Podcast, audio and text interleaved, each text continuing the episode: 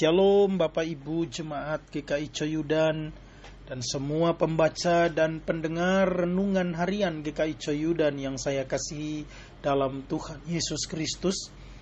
Sebelum kita memulai seluruh aktivitas kita pada hari ini, saya mengajak kita untuk mari bersama-sama kita membaca dan merenungkan firman Tuhan yang saya ambil dari Alkitab Perjanjian Baru, yaitu Injil Lukas Lukas pasal 8 ayat 16 sampai dengan ayat 18.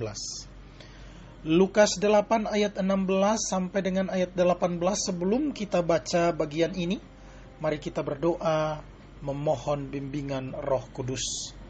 Mari kita berdoa. Bapa kami yang ada di surga, kami bersyukur atas kasih setia dan rahmat-Mu yang kami peroleh kami boleh masuk pada hari ini dengan selamat. Tolonglah kami dalam hidup ini sebagai gerejamu. Biarlah kami berani memberitakan terangmu dalam kehidupan kami, dalam kondisi apa pun, supaya kegelapan sirna. Berfirmanlah ya Tuhan, karena kami telah siap mendengar. Di dalam nama Tuhan Yesus firman yang hidup kami berdoa. Amin.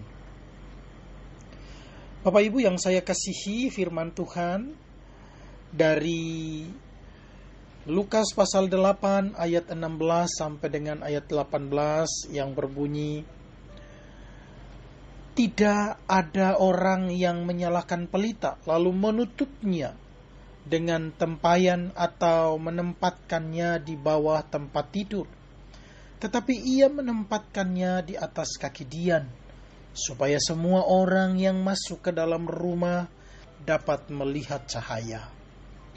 Sebab tidak ada sesuatu yang tersembunyi yang tidak akan dinyatakan, dan tidak ada sesuatu yang rahasia yang tidak akan diketahui dan diumumkan karena itu, perhatikanlah cara kamu mendengar, karena siapa yang mempunyai, kepadanya akan diberi, tetapi siapa yang tidak mempunyai, daripadanya akan diambil juga apa yang ia anggap ada padanya.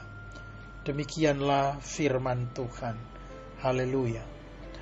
Bapak Ibu yang saya kasihi renungan harian GKI Coyudan hari ini saya mengambil tema biarlah terangmu tetap menyala. Biarlah terangmu tetap menyala. Bapak Ibu yang saya kasihi dalam Tuhan Yesus Kristus, akhir-akhir ini kita semua mendengar satu berita yang sangat membuat kita heran karena ada dua orang bersaudara memiliki marga yang sama. Namun kemudian mereka terlibat di dalam kasus hukum. Bukankah mereka ini adalah anak-anak Tuhan? Dan berkali-kali mereka tampil, akan salah satu di antaranya tampil untuk menyatakan bahwa saya siap menjadi pelayan Tuhan, saya siap menjadi hamba Tuhan. Itu berarti di dalam keadaan apa pun, dia mau agar pelitanya terus menyala. Namun sangat mengherankan Bapak Ibu yang saya kasihi, ketika kita tahu bahwa perselisihan tentang harta milik mereka perebutan harta milik mereka berujung pada maut. Dan pada akhirnya mereka harus berurusan dengan pihak yang berwajib. Bapak Ibu yang saya kasihi dalam Tuhan Yesus Kristus, firman berkuasa mengubah hati kita manusia. Bila orang bersedia membuka diri agar firman beroperasi di dalam hidupnya. Bila manusia memiliki hati seperti tanah yang subur, maka firman akan bertumbuh dan berbuah dalam kehidupan orang tersebut. Akan tetapi, orang tidak boleh bersikap egois setelah mendengar firman dan mengalami karya firman di dalam hidupnya. Ia memiliki tanggung jawab untuk menyebarkan atau memberitakan firman itu kepada semua orang yang ada di sekelilingnya. Orang tidak akan menyembunyikan hal-hal yang berharga untuk selamanya. Satu contoh, ketika Bapak Ibu punya perhiasan atau ketika Bapak Ibu punya harta tentu bukan dengan tujuan untuk disimpan melainkan untuk dipakai sekaligus dilihat orang. Bisa saja orang itu akan menyimpannya untuk sementara waktu. Tetapi itu tidak lama.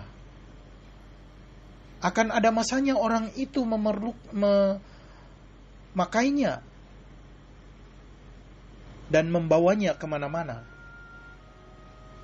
Jika orang menyembunyikan permatanya terus, maka akan ada risiko terlupakan atau malah akan hilang, bahkan bisa terkena karat. Orang hanya menyimpannya dengan maksud melindunginya. Jika permata hanya disimpan saja, maka permata itu kehilangan kegunaan yang semestinya.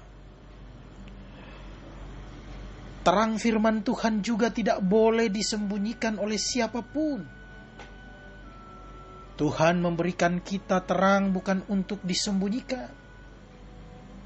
Jika kita memiliki terang firman Allah, maka kita bertanggung jawab untuk menyebarkan kebenaran firman dalam tiap kesempatan yang Allah bukakan bagi kita. Terang firman Tuhan berguna untuk menolong orang agar tidak tersesat di jalan hidupnya.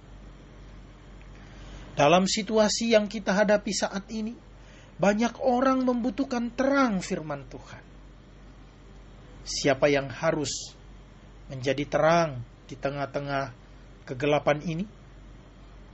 Siapa yang harus menjadi terang di tengah-tengah musibah pandemi yang sedang melanda dunia ini? Tentunya kita sebagai anak-anak Tuhan. Oleh karena itu kita harus memperhatikan dengan cermat setiap pengajaran firman yang kita dengar karena Allah akan memberi respon sesuai respon yang kita berikan terhadap firman-Nya. Jika kita punya kebiasaan yang baik terhadap firman, Misalnya kita baca Alkitab setiap saat dan kita hidup di dalamnya, maka ada hal-hal yang baik yang dikerjakan di dalam hidup kita. Jika orang memberi respon secara tepat, maka Allah akan memberikan kerinduan untuk lebih banyak mendengar firman. Pemahaman yang lebih baik tentang firman yang didengar itu akan menghasilkan sikap-sikap yang baik, tutur kata yang baik, dan tentunya semua yang kita kerjakan hari ini, jika kita dasarkan pada firman Tuhan, maka apa yang kita dengar hari ini maka apa yang kita renungkan hari ini akan membuahkan kebaikan di dalam kehidupan kita pendengar dan semua orang yang ada di sekeliling kita. Biarlah hidupmu terus bercahaya dan nama Tuhan selalu dimuliakan. Tuhan memberkati kita. Amin. Mari kita berdoa.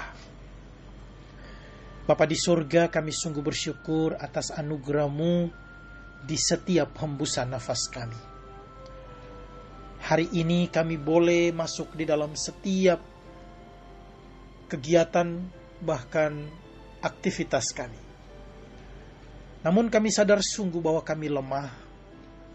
Karena itu, kami mohon kuasa Tuhan selalu menyelimuti kami. Ajari kami untuk bersandar padamu, Ajari kami untuk mengerjakan apa yang kami dengar melalui firman Tuhan ini. Karena di dalamnya ada kekuatan, di dalamnya ada semangat, di dalamnya ada berkat-berkat yang Tuhan sediakan kepada kami. Ajari kami juga untuk menyadari bahwa di dalam keadaan apa pun, dalam situasi apa pun seperti yang saat ini, yang sedang kami hadapi pandemi COVID-19, di dalamnya Tuhan menghendaki agar kami tetap bersinar. Ajari kami untuk senantiasa terus mengerjakan kehendakmu. Berkatilah kami sebagai gerejamu dalam setiap tanggung jawab pelayanan kami. Biarlah melalui program-program gereja kami, kami senantiasa terus menyatakan kasih Tuhan. Dan kami terus mewartakan kasih Tuhan.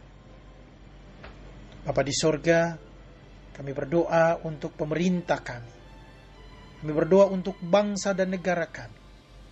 Tuhan pulihkan seluruh persoalan yang kami hadapi saat ini.